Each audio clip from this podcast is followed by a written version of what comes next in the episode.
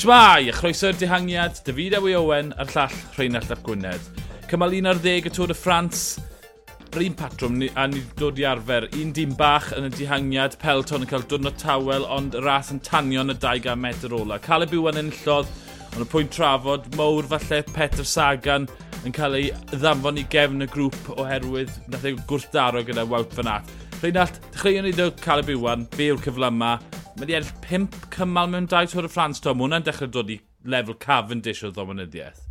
Odi, a um, gen i weid gair am y tîm fyd, ti'n bod, maen nhw, bydd yw, e, tri aelod lawr, uh, goffod newid i tactegau, ti'n bod, odd gweld Roger Kluger yn, yn, yn tywys mor gynnar yn ni, yn y disgyniad yna, oedd wedi tynnu fe reit i'r blaen mm. i gadw fe'n saff, a wedyn ni i asbyd y bws, ni edrych ar reole e, yn y wyb, oedd, oedd hwnna'n glyfar iawn, y ffordd nhw wedi rhannu'r gwaith er mwyn edrych ar ei reole, ond ie, ti'n ti, ti gywir, mae'r ma r, ma, r, ma r safle ero yna sydd da fe, ti'n ti gweld e ar ochr, mae'n ma, ma, ma anodd credu bod e'n aros ar ei feic, ti'n disgwyl i fe fynd dros, dros y cernag ar y llawr, ond mae wedi datblygu'r steil yna dros y blynyddoedd, mae fe'n gweithio yn berffaith iddo fe. Ie, yeah, pimp dyn yn y tîm. Twed, Mae, mae bron yn fod yn cyrraedd y pwynt na, lle ni'n gweld yr dy, dy gwybiwr sy'n dominyddu, bod tîm eraill yn gwrthod gweithio. Dy cynnig yn fodlo yn neud rhan fwy o'r gwaith heddi, ond bod wedyn rhaid i lot o sodal, falle bydd rhaid nhw ar ryw bwynt a berthi, ond wedi gweud na, dim lot o gymalau gwybio ar ôl. Ond ie, yeah, Caleb Iwan, mi dath oedd e'n glefer yn y 300 medr ola fyd, twyd, aros, aros, aros, aros i Bennett fynd, a pigo rownd yn y 100 medr ola, mae'r cic na sydd y fe, pan mae pawb arall yn hedfan, mae yna ma, ma fath o gafn dish dau gic dy fe, mm. sy'n golygu bod e'n gallu mynd o amgylch, just pigio o amgylch y gwybiwr arall, nath e ddim gweithio dyn o blaen Bennett, nath e rhy hwyr, ond mae'r ma, r, ma, gallu na i gyflymu yn wych fe. To war teg. Um, ond pwynt trafod mowr y cymal. Peter Sagan, wel, camed o'r diwedd, oedd Wout Van Aert yn arwen, a Peter Sagan wedi penderfynu mynd ar yr ochr dde, dim ond rhyw medr a hanner oedd ar ochr dde, ac erbyn, erbyn i Peter Sagan trio fynd trwy'r bwlch, oedd e'n agos i'r barriers, oedd Wout Van Aert un o'r ochr arall, mi nath e wthio Wout Van Aert mas o'r ffordd, a wedyn dim damwen, ond yn amlwg dy Wout Van Aert ddim yn hapus. Beth yw dyfarn di amdano Binas Peter Sagan fyna? Right. Ar y pryd, pan ddigwyddodd e, peth cynta dath i'n meddwl i oedd comisars. Mm -hmm. Oedd nhw'n mynd i ail edrych ar hwnna. Oedd e'n ddigon serios bod hwnna yn mynd i ddigwydd.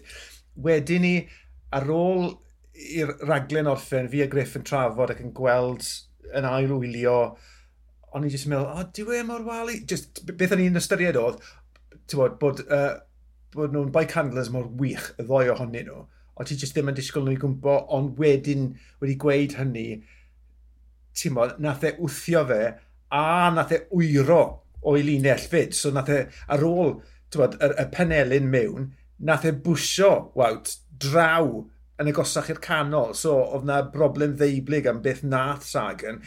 Ti'n bod, mewn ffordd, ar yr eiliad, dwi'n deall beth yna Sagan, pam, achos oedd e'n rwystredig, oedd e'n gwybod bod e'n mynd yn gynt na Wout. Oedd Wout wedi agor yn gynnar iawn. So oedd Wout yn gwegian a ti'n gwybod bod Sagan yn gwybod bod e'n gynt, a ti'n gweld yn y canlyniad. Caleb, Sagan, Bennett, Wout yn bedwerydd yn y diwedd. Mm. Um, ond mae fe'n ffordd gegog, really, o, o, o weid, yn y diwedd mae'n hollol ddealladwy o ystyried yr amgylchiadau ni o dano gyda um, codwm Fabio Jacobson.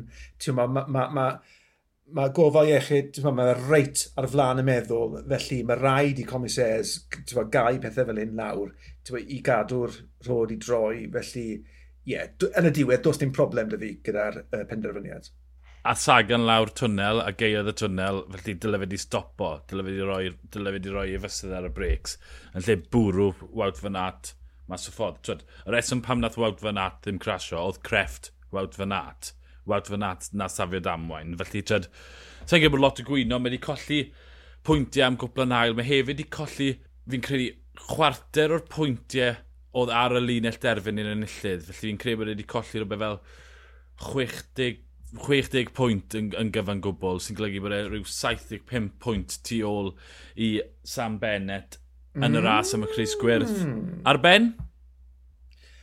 Mae hwnna yn neud gwahaniaeth. Odi.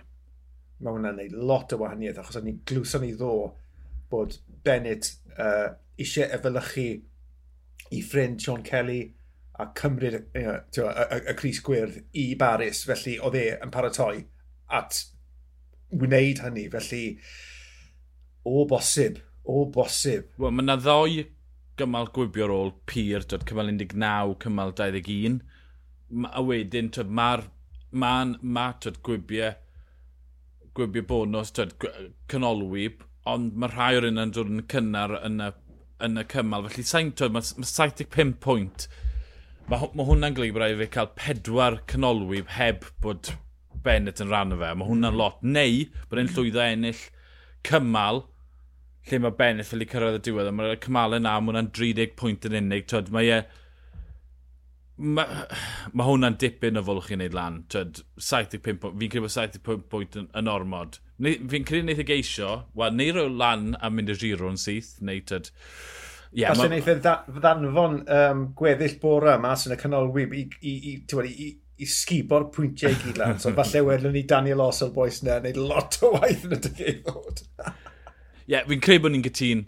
Oedd e ddim yn eithriadol o bryglis, ond oedd e'n heiddi cael ei daflu cefn y pelton. Neis gweld bod e heb cael ei ddiarddel neu unrhyw beth fyna. Cytuno. So mynd mlaen i gymal 12 fori, um, cymal hira ras 218 km i Saran, a maen nhw'n mynd mewn i'r masif Sontral.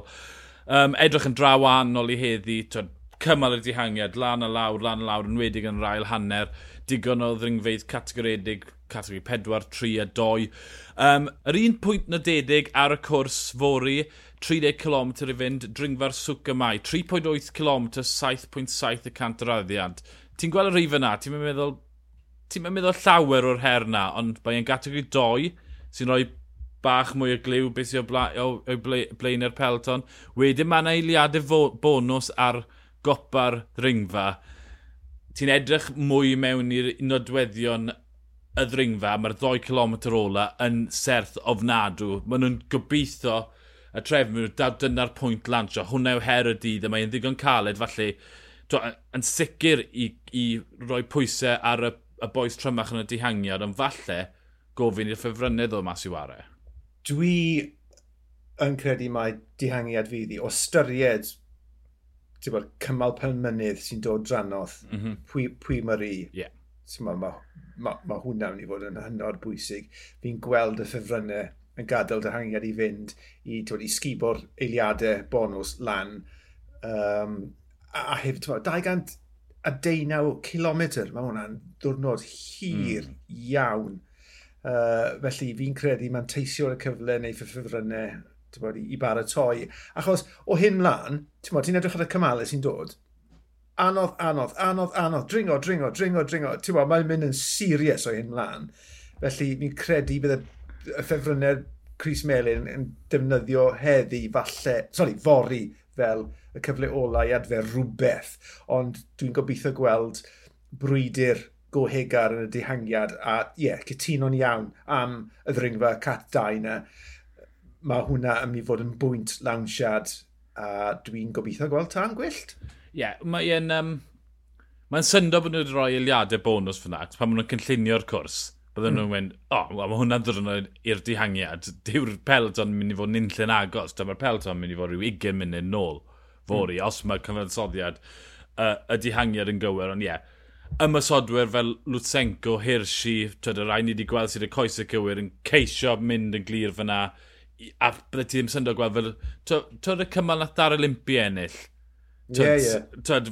rhywun lot o sgafnach yn mynd lan y hewl, a wedyn y boys mwy o sais Greg Van Afmet dar Olympi yn ceisio dod yn nôl mewn i un grŵp yn y 30 km diwetha. Dyle fe fod yn rasio diddorol, blaw bod ni'n cael senario fel twyd, Lutsenko y dwrn o'r blaen lle oedd e jyst y cryfa.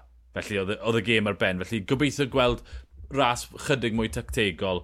Tybyd, a dyle fe fod yn ddiddorol. Mae'n hawdd iawn anghofio gyda Tŵr y Ffrans fe ymlaen bod na ras arall bwysig yn digwydd. Y Tereno Adriatico, ras bwysig iawn yn paratoadau Geraint Thomas ar gyfer y giro. Um, ti eb cael cyfle i weld yn unrhyw beth yn amlwg rheinald. Ond, no. ond to, oedd na ddringfa yn y 10 km diwetha podio Mwrela.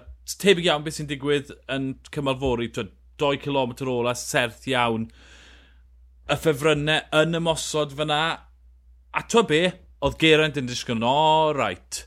Michael Woods yn ennill, bwlch o'i geneiliad ar y diwedd, achos oedd, oedd diffyg gweithio yn y grŵp tu ôl, ond Geraint, oedd Geraint na gyda Fulsang, gyda Vlasov, mi nath e Ollwng, Simon Yates, twyd, dim, o, dim o'r yw lawer, twyd, dim o'r o fel 5 neu 6 eiliad, ond oedd Geraint na reit ar y copa, twyd, Oedd e ddim o'r grif o Michael Woods, oedd e ddim yn disgwyl fel bod e'n hedfan, ond oedd e'n disgwyl...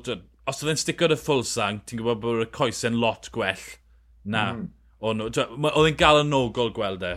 Achos o'n i'n poeni braidd, twyd, ar ôl gweld e yn y doffin ei, falle bod e'n mynd i pwdi wedyn ni a ddim wneud yr ymarfer, ond mae'n disgwyl fel bod yr hen geraint nôl, diolch beth.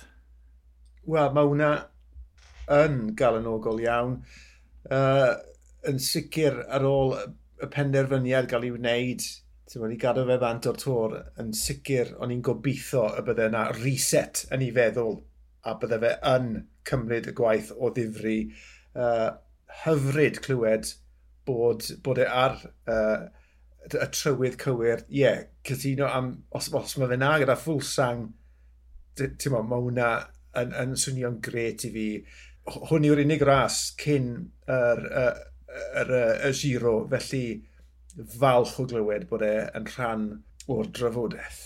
Ie, yeah, y deuddeg pwysig yn dod lan fori, maen nhw'n mynd i'r mynyddodd a maen nhw'n ddisgyniad i'r diwedd, ond tyd, ddim cweit mor galed yna.